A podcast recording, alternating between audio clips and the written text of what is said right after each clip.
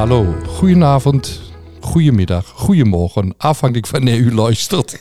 Ik zit hier vandaag bij de RPSH, RP Sanitas Humanus podcast, samen met mijn goede collega Isaac Riedijk.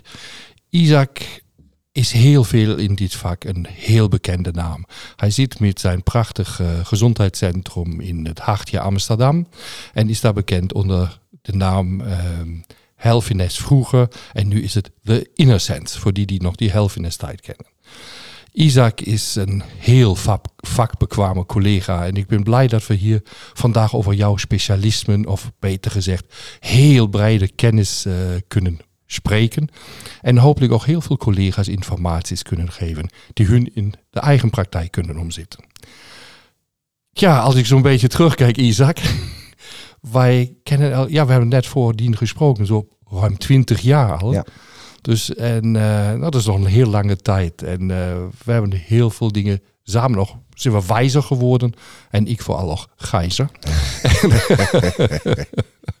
en uh, Isaac, wat denk ik iedereen interesseert. Hoe ben je überhaupt in dit vak beland? Um, dat is eigenlijk ook al een hele lange geschiedenis. Um, eigenlijk is het al begonnen in mijn opvoeding uh, dat mijn ouders uh, ten alle tijde uh, kozen voor een homeopathische behandeling alvorens ze de huisarts raadpleegden. Okay. Ze kwamen al, al heel lang bij een oude arts hier in, in Goes, dokter Kleinepier. Okay. een hele bekende naam ook, die man die is inmiddels overleden. Dus daar is eigenlijk al de basis gelegd um, voor mijn interesse in dit, dit vak van de geneeskunde.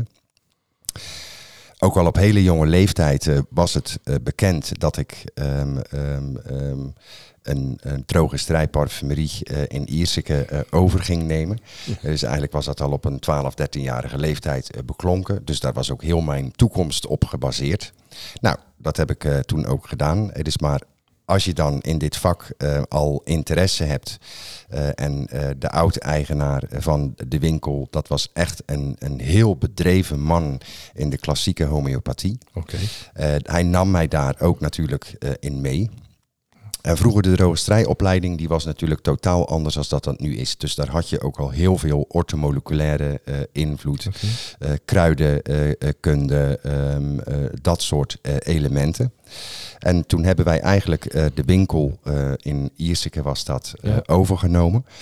Um, en natuurlijk hoorde daar een heel groot aandeel homeopathie bij. Er is maar ook ortomoleculaire en fytotherapeutische suppletie. dus dat zat al in je opleiding. Ding. En eigenlijk door dat vak te gaan doen, door daarin te studeren, is ook de interesse natuurlijk gekomen in de natuurgeneeskunde. Dus, en ik ben een mens, ik moet uitdagingen houden in het leven, want anders functioneer ik niet. dus dat was ook een van de redenen van, oké, okay, dan, dan heb je dus iets gebouwd wat loopt. Ja. En dan ga je natuurlijk toch steeds verder kijken van, hoe kan ik dat dan voor mezelf ook interessant houden. En toen ben ik eigenlijk gewoon begonnen met de natuurgeneeskunde. Ja. Eigenlijk in de meest brede zin van het woord, om mezelf daarin te gaan verdiepen. Nou, zo hebben we elkaar denk ik ook leren kennen. Absoluut. Bij een van die diverse vele cursussen. Ja, klopt. En um, ja, ik weet, je zat uh, vroeger in, in de klas van de darmtherapie, ja. van de oligotherapie. Ja. Nou, zo hebben we leer, leren kennen. En ja. wat ik bij jou altijd heel gewaardeerd en ja, vandaag ook nog heel schet, uh, is uh, dat je echt complementair denkt. Dat je um, de mens als een totaalbeeld ziet. Ja. En dat maakt je uiteindelijk in je praktijk ook zeer succesvol. Dus je gaat niet van één route aanvliegen, maar je kijkt wat die mens nodig hebt ja. om hem in gezondheid te begeleiden. Ja. Nou, je hebt je daarin ontwikkeld en waar zou je nu vandaag eens je, je speerpunten zien als je uh, nu naar je prachtig centrum in Amsterdam kijkt? Um, eigenlijk in de hele ontwikkeling van, van de, de praktijk zoals die er nu staat. Hè, dus wat natuurlijk uh, over heel veel lagen en lijnen uh, gegaan is. Um, heb je natuurlijk ook, omdat er een brede interesse is ja. eigenlijk in het hele vak natuurgeneeskunde. een grote interesse ontstaan van, van hoe kan ik zo goed mogelijk met name chronische zieke mensen behandelen. En dat bouwt zich natuurlijk ook op in de loop van, van, van je carrière in de praktijk. Uh, je begint natuurlijk met de eenvoudige dingen en uiteindelijk beland je dus in, in, in de wat chronischer ziektebeelden. Ja. dan ga je daar natuurlijk ook weer jezelf in verdiepen. Want dat vraagt natuurlijk altijd een verdieping in je eigen kennis.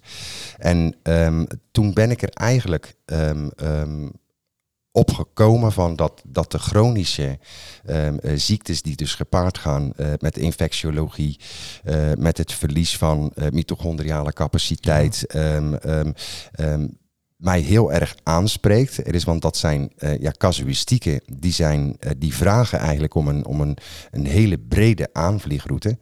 Ja. En dan kom je eigenlijk ook tot het besef dat je als één pitter in de praktijk natuurlijk een heel mooi resultaat neer kan zetten. Maar als je dat in een team doet, uh, dan dat je ook een, een nog groter succespercentage gaat krijgen. Uh, dus dat heb ik eigenlijk in de loop van de jaren om me heen uh, gecreëerd. dus met name mensen die specifiek ook mijn therapieën kunnen, kunnen ondersteunen. Dus dan krijg je ook binnen de natuurgeneeskunde een hele brede uh, behandelvorm. Ja. En dus wat jij ook aangeeft van, uh, van niet vanuit één visie kijken, maar uh, liever vanuit de holistische visie. Ja. dus en, en, en, hopelijk hoop ik ook nog de stap te zetten naar de integrale visie. Ja. Dus dat je ook vanuit de verworvenheden die de reguliere zorg heeft, dus ook de elementen kan gebruiken, omdat dat ook nodig is bij de populatie aan patiënten die je binnenkrijgt. Er is maar die ontwikkeling die stopt voor mij niet. Um, um, ik wil altijd eigenlijk het beste proberen te creëren um, voor, de, voor de patiënt. Dus dat betekent dat je altijd open moet staan voor vernieuwing. Um, er is maar die groep mensen die dus um, eigenlijk chronisch zijn, uh, ja, die hebben mijn, mijn hele grote aandacht en, in, en ook voorkeur in de behandeling. Ja, dat hebben ze ook verdiend. Ja. Dat hebben ze verdiend. Ze hebben... Uh een lange Leidensweg achter de rug. Klopt. En uh, juist die chronische ziektes, dat is minst tot wat ik ook uh, opmerk, zowel in het laboratorium als ook in de begeleiding zelf van de eigen patiënten, is dat die chroniciteit in de loop van de jaren heeft toegenomen. Ja. En je ziet natuurlijk zo typische klachten in beeld. En ik wil daar ook de uh, prikkelbare darmsyndroom patiënten ondernemen. Je sprak die infectiologie aan, of al die mensen met een Epstein-Barr. Ja. Of met een Borrelia-infectie. Of wat we nu zien, het long COVID. Ja. Wat in de complementaire zorg al lang voorheen, nou, vooruit gezien worden, denk ik is een groot woord. Maar uh, waar de huiver is mee omgegaan worden, wat daarmee gebeurt met het immuunsysteem, uh, hoe de energie dumpt. Ja, dat heb je dan net ook benoemd. Je zegt, ja. nou, we kijken naar de mitochondriën, we kijken naar de energie, naar de immunologie, die dingen bekijken. Maar als je nu een, een voorbeeld wil schetsen, uh, wat doe je uh, ja, niet anders, maar in welke disciplines ga je nu al combineren in je centrum? Um, nou, in eerste instantie uh, start natuurlijk zo'n zo'n zo'n intake als mensen voor het eerst komen natuurlijk met een hele uitgebreide uh, anamnese. Ja. Um, nou, daar maken we gebruik van, van, van vragenlijsten die algemeen uh, zijn, maar ook natuurlijk hele specifieke vragenlijsten, dus die bijvoorbeeld door RP ter beschikking worden gesteld. Ja. dus waar je dus eigenlijk heel snel een overzicht krijgt van, van waar je moet zoeken. Nou, dan heb ik mezelf in de biofysische geneeskunde natuurlijk uh, verdiept. In Duitsland is dat vele malen groter als uh, in, uh, in, in, Nederland. Er is waarbij je dus eigenlijk scant op basis van elektriciteitsmetingen. Er is van waar verstoringen in, in de energiebanen van het lichaam voorkomen. Ja. dat um, breid ik ten alle tijden uit met een stuk microscopie, wat ik in de praktijk zelf doe. Ja. Um, dat is eigenlijk mijn startpunt. Er is, en heel goed beseffend dat natuurlijk beide um, um, um, uh, diagnostische vormen altijd maar een deel van de waarheid uh, vormen. Ja. dus je ziet daar niets anders in als een fenomeen. Er is een verandering uh, in dat bloedbeeld of een verandering in bindweefsel, maar die stelt mij wel in staat om heel specifiek mijn diagnostische route in te gaan. Um, uh, dus met laboratoriumonderzoeken. Ja. Dus je gaat alle hypotheses die je ziet uh, in die screeningen, uh, in de vragenlijsten, die ga je eigenlijk meenemen uh, naar um, de klinische diagnostiek. Mm -hmm. dus dat betekent dat er ten alle tijde uitgebreid onderzoek wordt gedaan op al die facetten die dus van invloed zijn op zo'n ziektebeeld. Ja. Nou, dat is voor de, voor, de, voor, de, voor de patiënt of de klant die binnen is natuurlijk al een heel andere benadering als dat ze in de reguliere zorg doen. Uh, dus je krijgt namelijk veel meer inzicht in waar je moet zoeken. Dus je komt ook in je onderzoeken altijd beslagen ten ijs. En ten alle tijden um, is het holistisch. Hè? Dus, dus maar heel weinig mensen, maar ook um, uh, beginnende therapeuten in dit vak, uh, die doorzien nog niet goed uh, de invloed vanuit alle biochemische processen in het lichaam op een ziektebeeld. En die moet je eerst diagnosticeren. Je moet die diepte ingaan. Dus, en zoals je zelf ook al aangeeft, die mensen verdienen dat. Dus dat is de ene kant. En aan de andere kant moet je ook het vermogen hebben om dus al die vormen van diagnostiek samen te voegen in een therapieplan. Um, het is maar hoe meer informatie er is, um, uh, hoe makkelijker het voor ons wordt om een individueel geschreven plan uh, te maken. Ja. Er is, dus dat is eigenlijk de eerste aanzet in de hele diagnostiek. Uh, en dan ontrolt zich natuurlijk een therapietraject. Um, ik heb het vanmorgen ook nog uh, gezegd hier in de opleiding. Van eigenlijk ben je een architect uh, van, een, van een project. Uh, dus om dus die, die, die homeostase, dus het evenwicht in het lichaam terug te brengen. Okay. En dan krijg je dus de therapie. En dat gaat natuurlijk altijd ook weer gepaard met heel veel verschillende invalshoeken. Dus het is niet een therapietraject. Het is van je geeft je klant een tas vol met supplementen. Nee, je gaat ook kijken naar de lifestyle elementen. Uh, dat is het stuk voeding, dat is het stuk psyche. Um, daar heb ik dus een team om me heen gebouwd die dat uitvoeren. Oké. Dus hun mening is natuurlijk ook heel belangrijk. Um, um, heeft ook een grote invloed op het therapieplan. Um, dus je moet ten alle tijden natuurlijk oorzaak en gevolg proberen te scheiden van is het nou een lichamelijk probleem of is het nou psychisch. Nou, vandaar ook altijd die intake eigenlijk uh, binnen de lifestyle. Nou, voeding wordt daar natuurlijk in betrokken in het uh, therapieplan. Uh, altijd gebaseerd op uitslagen en niet op, op één ding. Hè. Dus niet alleen op de bloedanamnese, maar ook alle uh, factoren die er van invloed zijn vanuit die spijsvertering. Dan krijg je eigenlijk een, een, een therapieplan, dus waar uh, heel veel behandelaars bij betrokken zijn. We zijn nu met z'n tienen. En iedereen krijgt eigenlijk wat hij nodig heeft. He, dus, en um, nou, dan ondersteunen we die behandeling um, uh, met therapieën uh, die bijzonder zijn uh, in Nederland. Nou, dat heb ik natuurlijk in de tijd dat ik voor RP rondreisde in Duitsland heel veel gezien. Ja. Um, dat er heel veel mogelijk is om een therapieplan uiteindelijk ook te ondersteunen. Ja. Uh, nou, daar heb ik heel veel onderzoek naar gedaan. En dan geef ik bijvoorbeeld een voorbeeld. Um, een van de grote problemen die wij hebben in de praktijk is dat mensen natuurlijk moe zijn. En dan ook vaak na een therapie moet blijven. Er is door een beschadiging eigenlijk aan die energiecentrales. Nou, dan ga je daar naar op zoek. Uh, dan kom je dus op weer op uh, bijzondere therapievormen die hun waarde bewezen hebben wetenschappelijk. Nou, die passen we toe ook uh, in de praktijk. Dus het hele plan uh, bestaat ten alle tijden uit een hele reeks van uh, componenten. Ja, die uiteindelijk dat therapietraject gaan volgen, gaan vormen.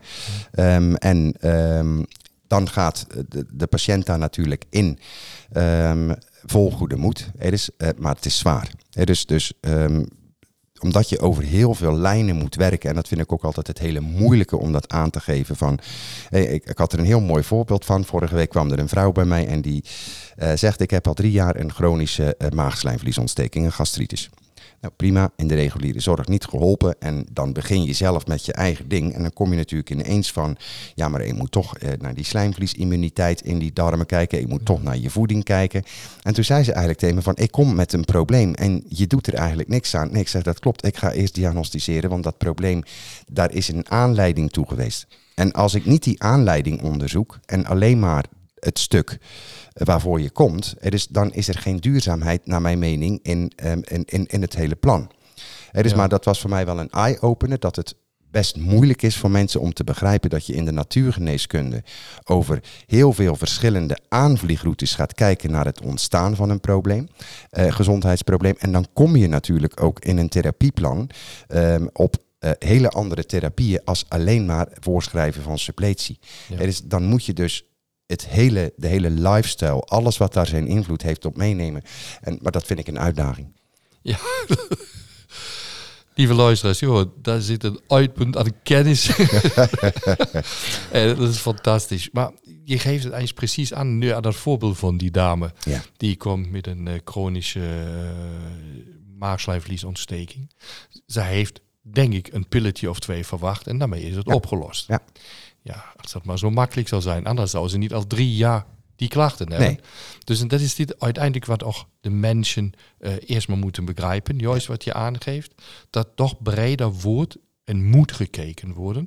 En ik vond je bracht ook zo'n heel fijn voorbeeld van de collega's die nieuw starten in Ja. de, deze passie. Ik wil het nog niet eens een- alleen een beroep noemen. Het is een passie die we met elkaar delen. Ja. Mensen te ondersteunen. Mensen op de weg naar gezondheid te brengen. En ehm, dat ze beginnen alleen maar met een vragenlijstje. of met een pilletje voorschrijven. Of eh, met een zak vol supplementen. En vergeten daarbij dat je toch eerst maar naar de oorzaak moet kijken. Wetende dat dat ook die patiënt moet overgebracht worden. Maar ik denk, dat is bij jou net zoals bij mij. de mensen hebben een jarenlange lijdensgeschiedenis achter de rug. Nou, dan is ja, nu moeten we de mouwen opstropen en kijken waar het overal, waar het eigenlijk vandaan kan komen. Dus de hele biochemie, de immunologie, al die dingen met elkaar in kaart brengen, plus de psyche, plus Ja. de, ja, dat wat zo netjes altijd gezegd wordt in Nederland, dat vind ik zo'n fantastisch leuk spreekwoord. Dat zit tussen je oren. Ja, Ja. nou, maar dat is natuurlijk niet altijd zo. Maar wat tussen de oren zit, kan ook een puur lichamelijke ingang hebben. Dus en daar moet een scheidlijn getroffen worden om die patiënt goed te ondersteunen. Nou, als je nu, maar kijk, ik weet dat je natuurlijk eh, heel bedreven bent, eh, juist op het energievlak en het immunologische vlak.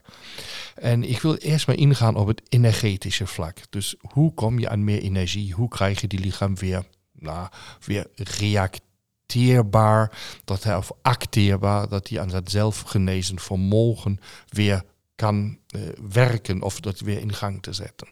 Ehm, je werkt dan met een speciale zuurstofmethode. hè? Ja.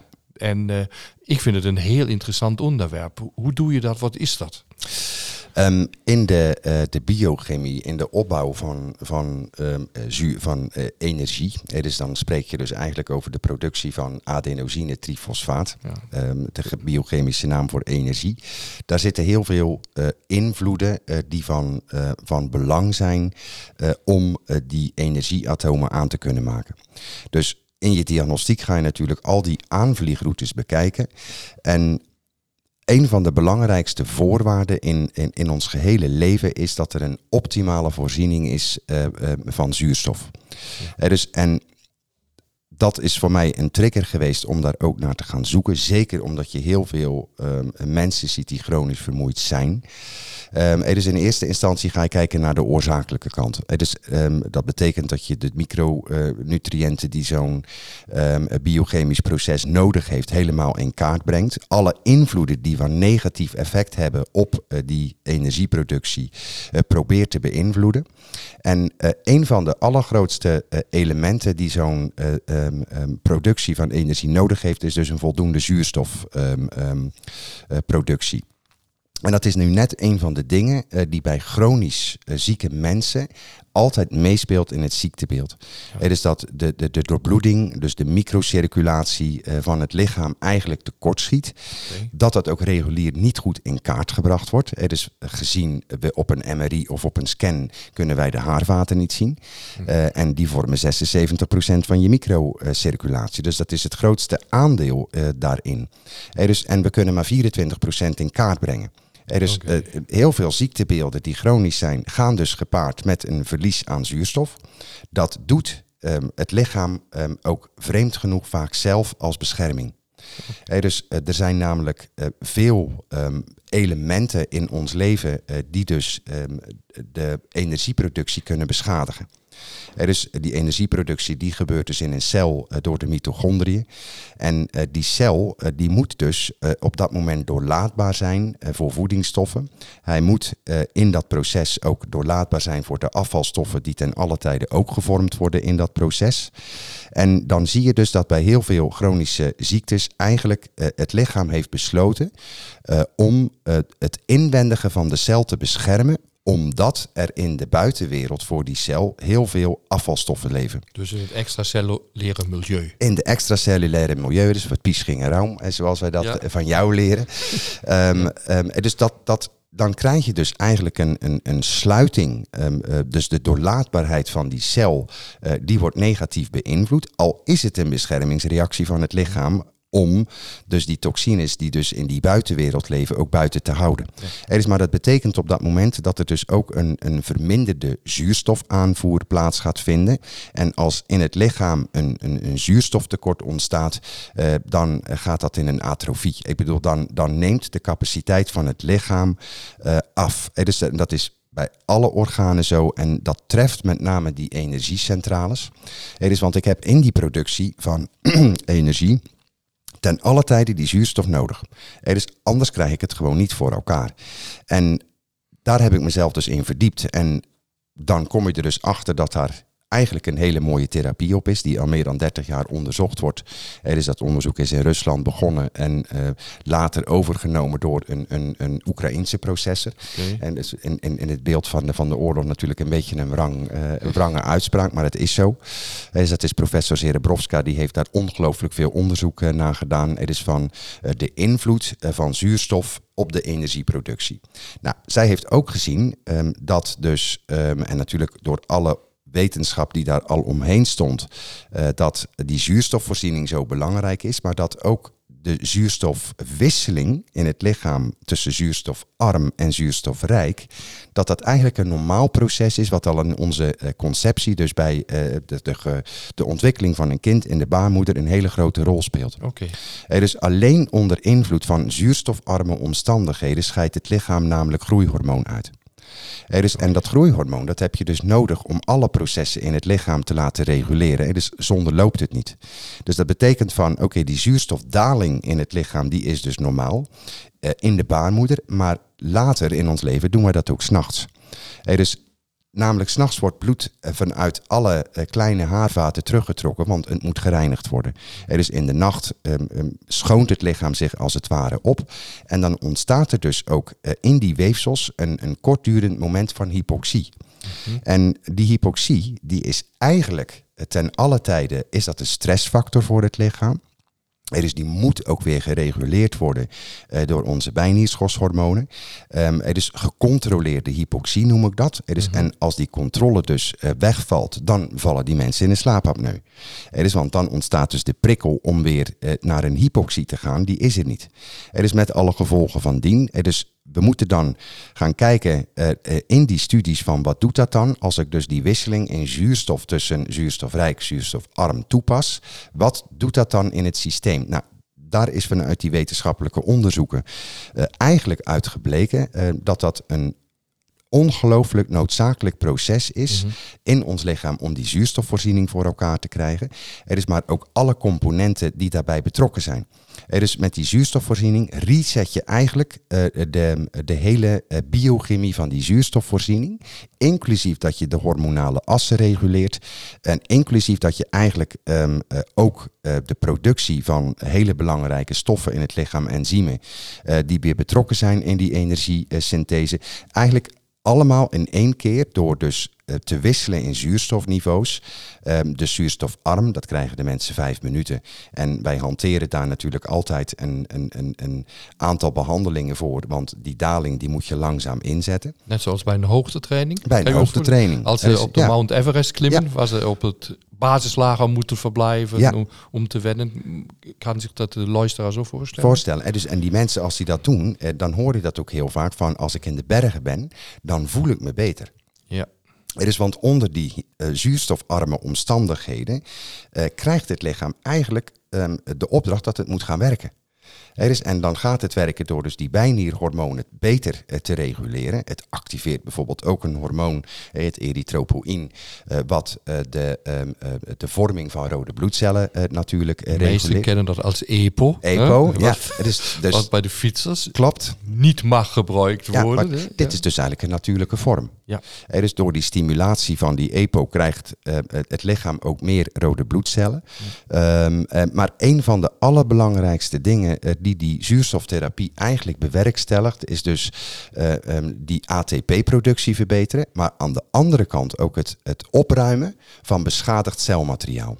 Nou, toevallig vandaag in de lezing uitgebreid over gesproken van um, als een, een, een, cel in het lichaam geïnfecteerd wordt, uh, bijvoorbeeld met een virus, uh, dan moet het interne deel van die cel uh, dat virus eigenlijk vernietigen en opruimen. Er is, en daar is het in heel veel gevallen bij chronische ziektes niet meer toe in staat. Mm Er is, je krijgt eigenlijk beschadigd celmateriaal wat zich constant doorkopieert. Er is omdat het immuunsysteem van het lichaam ook onder druk staat, alleen al door dat energieverlies. Er is, het is altijd een combinatie van factoren. Dus door die uh, zuurstoftherapie activeer je ook het vermogen van het lichaam om beschadigd materiaal op te ruimen. Dus wij noemen dat de celapoptose. Nou, dat doen je natural killer cells. Uh, die natural killer cells die, die halen we natuurlijk in de onderzoeken natuurlijk boven tafel. En dan zie je dus in heel veel gevallen bij chronische uh, ziektebeelden dat die NK-celactiviteit veel te laag staat. Is een heel groot gevaar. Er is, want op dat moment uh, um, ruimt het lichaam dus die beschadigde cellen niet op. En uh, dan ontstaat er dus ook eigenlijk gewoon een mankement, want het lichaam kopieert door. Er is, um, dat is nu eenmaal wat die cel doet, er is die, die vermenigvuldigt. En dan krijg je dus eigenlijk een mitochondriaal verlies. Dus je krijgt heel veel cellen in het lichaam die niet meer optimaal zijn om die ATP aan te maken. Dus je werkt met de zuurstof dan op twee manieren. Enerzijds um, um, voorzie je het lichaam van een optimale hoeveelheid zuurstof, um, waarbij dus ook de synthese van die ATP gewaarborgd is. Er is, mits ik natuurlijk ook voldoende nutriënten toevoeg. Ja. Uh, en aan de andere kant um, instrueer je het lichaam om juist dat beschadigde celmateriaal op te ruimen. En dus eigenlijk uh, in de stamcel ontstaat ook een activatie door de zuurstoftraining tot de vorming van nieuw materiaal. Er is het werkt op zo ongelooflijk veel uh, ingangen in die hele cascade van chroniciteit. Um, dat is fenomenaal. Er is, um, en dat zien we natuurlijk ook dagelijks in de praktijk, dat dat uh, een van de, um, van de, de hoofdtherapieën is in je beleid. Er is, maar we moeten niet vergeten dat de aanleidende routes ten alle tijde meegenomen moeten worden, want er is een oorzaak. Ja. Is, want dat mitochondriale verlies is een gevolg.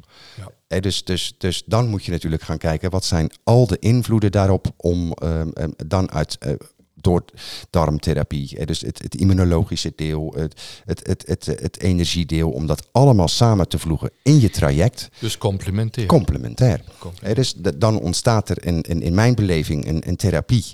Um, eh, natuurlijk, wij kunnen ook niet iedereen binnen beter krijgen, maar door het begrijpen van de biochemie en het toepassen van de factoren die het lichaam nodig heeft, ontstaat er eigenlijk zo'n krachtig antwoord op, op dit soort ziektebeelden. Um, en daar hebben wij heel veel succes mee. Ja, dat klopt. dat klopt. En uh, als je nu dit zo super uitgelegd hebt, uh, had je tussenin nog, ja, tussenin had je ook duidelijk gezegd, je gaat ook dan natuurlijk de bijnieren, uh, die worden meegenomen. Ja. Um, hoe ziet dat dan uit bij mensen met een bijnieruitputting? Kunnen die al direct aan de zuurstoftherapie of dan de hypoxie? Uh, kunnen die daarmee starten of moet eerst wat met die bijnieren gebeuren? Of hoe is het met het enzymatische systeem? Ja. Wat natuurlijk hartstikke nodig is om überhaupt te kunnen functioneren. Ja. Ja, dus en wat je ook aangeeft, de randvoorwaarde voor leven, welk proces ook, is energie, is de ATP. Ja. Nou, en voor, dan maken we die 75 kilo gemiddeld per lichaam per etmaal, also per 24 uur aan. Dat zijn natuurlijk nog gigantische hoeveelheden. Enorm enorm. Maar nogmaals, de bijnieren, de enzymen, hoe ga je daarmee om tijdens deze hypoxische training? Ja, um, daar maak ik eigenlijk altijd onderscheid in, uh, in de therapie. Uh, dus je gaat eerst dat diagnostisch deel doen. Uh, dus, en je benoemt natuurlijk die, die bijnierhormonen. Nou, die zitten ten alle tijden ehm, bij iedereen die bij mij komt, wordt dat gewoon meegenomen. Maar, dus, dus dat je test die? Testen. En dat doe je met? Um, dat testen we met um, saliva, speeksel. Oh, okay. Dus um, we hebben twee manieren. Dus um, uh, we testen het ook vaak in het bloed, dus ik doe het vaak dubbel. Okay, dus ja. uh, waarbij we heel goed moeten begrijpen dat het, het bloedbeeld uh, ten alle tijde een antwoord geeft of dat de productie van het hormoon nog plaatsvindt. Er is maar een hormoon wat in de bijnierschors wordt aangemaakt, dat is nog niet in de doelcel. Dus uh, wij hebben in het lichaam gewoon doelcellen, dus er moet een transport plaatsvinden. Er is vanuit de fabriek uh, naar uh, de doelcel, waar dat dan ook is. En daar heeft het lichaam dus um, bloed-eiwitten, transporteurs uh, voor. Hey, dus maar ik heb op dat moment, ik noem dat altijd tegen mijn klant, een heftruck nodig die het geproduceerde product in de vrachtwagen zet. Is, en dat zijn de enzymfuncties. Nou, vanuit de oligotherapie weten we natuurlijk dat die enzymatische processen, eh, zeker in chronische ziektegevallen, heel sterk onder druk staan. Er is, en dat kan een innameprobleem zijn, dus dan kom je in de kant van de voeding. Eh, maar er kan ook een heel hoog verbruik zijn in het lichaam eh, door allerlei omstandigheden. Dus een van de belangrijkste natuurlijk is ehm, de, eh, de ontstekingsactiviteit in het lichaam. Er is maar ook in die darm gaan kijken eh, naar bijvoorbeeld eh, de virulente factoren. dus die dus heel veel van die micronutriënten kunnen wegvangen, uh, zodat ze niet meer ter beschikking staan voor de biochemische processen in het lichaam, maar eerder uh, voor de negatieve effecten, dus bijvoorbeeld voor de groei van zo'n uh, virulentie of het onderhouden van zo'n ontsteking. dus dat benoem ik dan als de aanleidende routes. Nou, dan ga je dus eerst kijken van, doet het de fabriek het? daarna ga je ook de saliva-testen doen. dus want de, de saliva-testen, speeksel, die geeft eigenlijk inzage in de actieve hormonen. Er is dat betekent van ik moet van inactief naar een actieve vorm omgezet worden. En dat zijn de enzymatische processen die jij uh, benoemt. Um, dus die worden meegenomen. Dus maar als het moet onderscheid zijn um, um, tussen die behandelingen. Er zijn, in de meeste gevallen begin ik niet gelijk met zuurstof. Er is, want ik moet ook dat zuurstof transporteren in mijn lichaam. En heel vaak hebben die mensen dus al een probleem um, dat dat niet goed verloopt. Dus dan kom ik dus um, door allerlei omstandigheden dus in dat piesgingenraum, uh, dus in die extracellulaire matrix, die dus eigenlijk dat transport al tegenhoudt. En dan heeft ter het bescherming. Ter bescherming. Er is, um, dus dan heb ik al een blokkade in mijn therapie. Is, dan ga je in eerste instantie fasegewijs het bloedplasma, uh, die extracellulaire matrix, schoonmaken. Um, uh, alvorens je natuurlijk gaat activeren. Er is, je moet ook heel goed in kaart brengen van ik kan wel uh, de zuurstofvoorziening um, in het lichaam verbeteren. Um, maar als ik mijn micronutriënten ontbreek om ook die hormonen te kunnen produceren, dan heeft die therapie geen zin. Er is in eerste instantie breng je dat allemaal in kaart. Je schoont het lichaam op. Er is in die extracellulaire matrix dus je maakt eerst daadwerkelijk schoon. Eerst in de vorm van een drainage. Ja. ja. Er is um, een ander verhaal, is het bijvoorbeeld als mensen binnenkomen echt met een, een, een, een bijnierinsufficiëntie um, die urgent is. Hey, dus die zo'n extreme um, uh, invloed uitoefent op het ziektebeeld, dan draai ik dat soms om.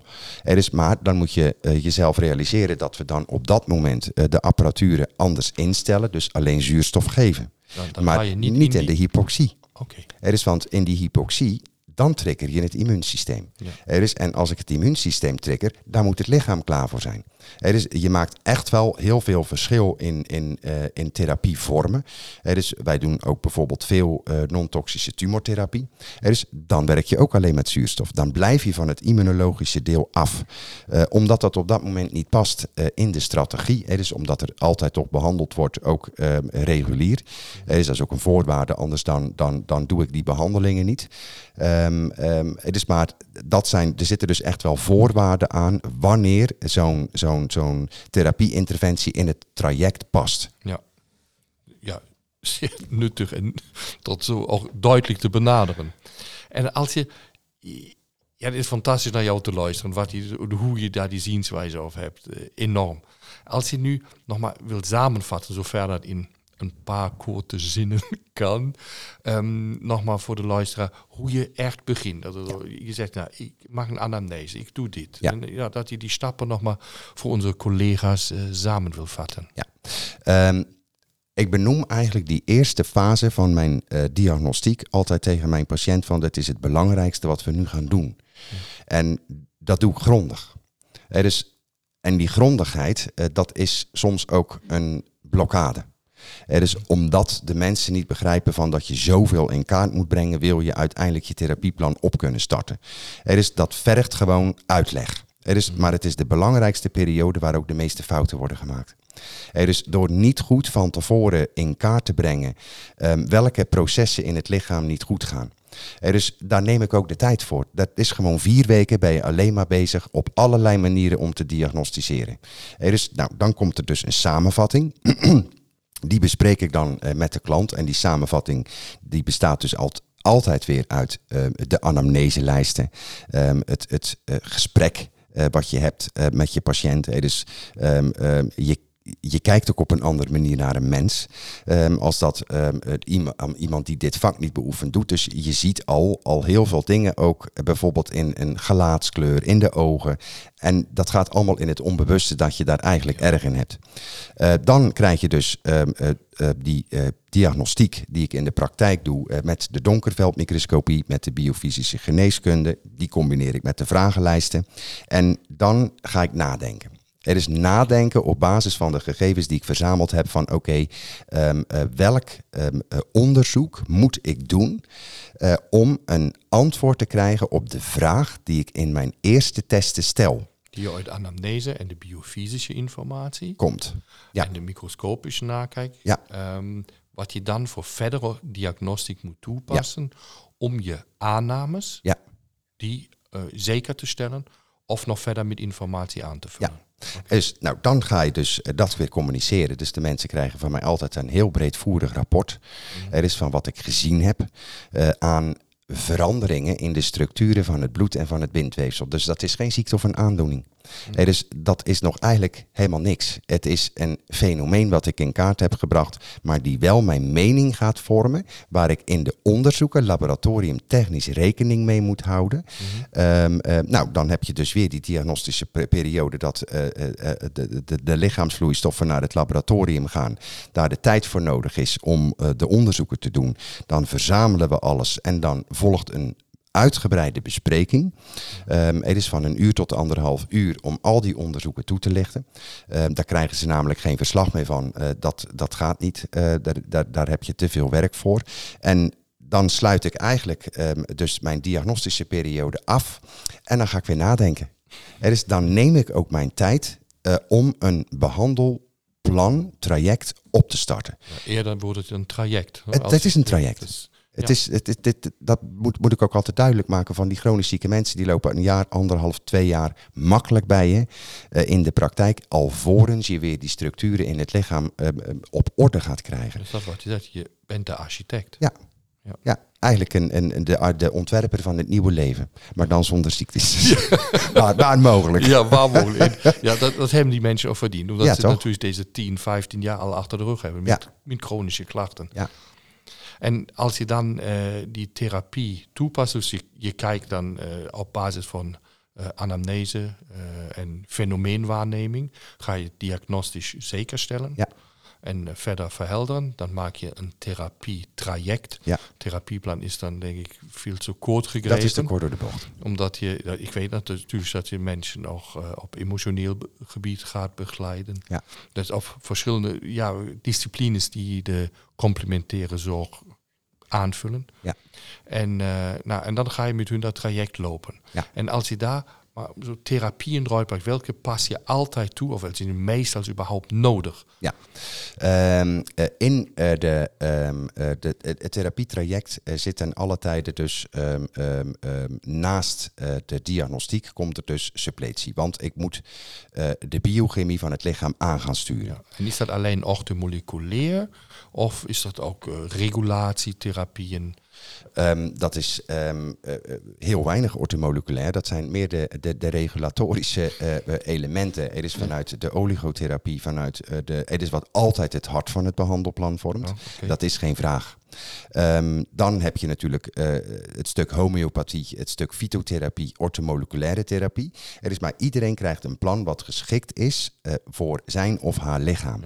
Ja. Er is, en dan ondersteun ik dus eh, die, dat traject. Er is die suppletieplannen, wat natuurlijk wel het hart blijft van je therapie. Die ga ik eh, ondersteunen ehm, door te kijken van, eh, naar de onderzoeken naar al die fenomenen. Wat moet ik doen om zo snel mogelijk dus eh, het hele verstoorde beeld weer recht te, te, te trekken. Er is, maar dan moet je ook gewoon nadenken van, het is de eerste fase van het plan is altijd detox. Er is het schoonmaken van het lichaam en dat doe je op heel veel eh, verschillende manieren. Er is eh, het hart altijd die oligotherapie, omdat je daarmee ook de enzymfuncties in het lichaam reguleert. Er is, en eh, zonder die enzymfuncties gebeurt er niets. Maar het kan ook zijn dat je natuurlijk een stukje ortomoleculaire ondersteuning nodig Absoluut, hebt. Eh, maar dat je ook eh, bij andere mensen eh, de diepte ingaat met eh, homeopathie. Er is met alle vormen van homeopathie. Er is mensen die zwaar vermoeid zijn, daar gebruik ik in de meeste gevallen de spagyriek voor. Ja. Is heel onbekend in Nederland, helaas, het maand. Het, werkt fenomenaal. Eh, maar dat zijn allemaal onderdelen die dus dat plan eigenlijk vorm gaan geven.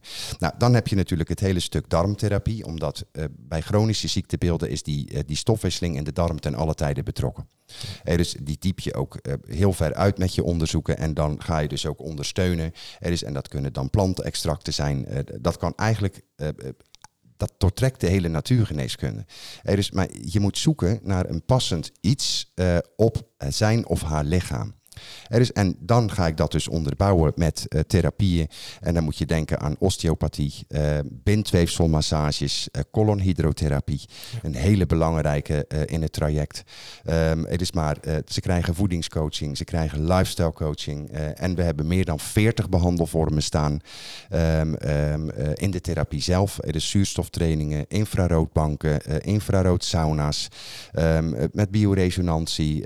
Dus je probeert op alle mogelijke manieren vanuit de natuurgeneeskunde, die in mijn beleving ook de natuurgeneeskunde vormt, Ja. om die toe te passen. Maar die individualiteit, die blijft bepalend. Dat is een hartstikke leuke slotwoord. De individualiteit blijft bepalend.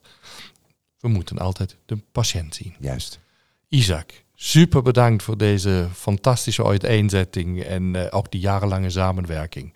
En nog veel succes en plezier in je centrum, The Innocence in Amsterdam. Dat is heel wederzijds, Ralf. Ja, Dankjewel. ja alsjeblieft.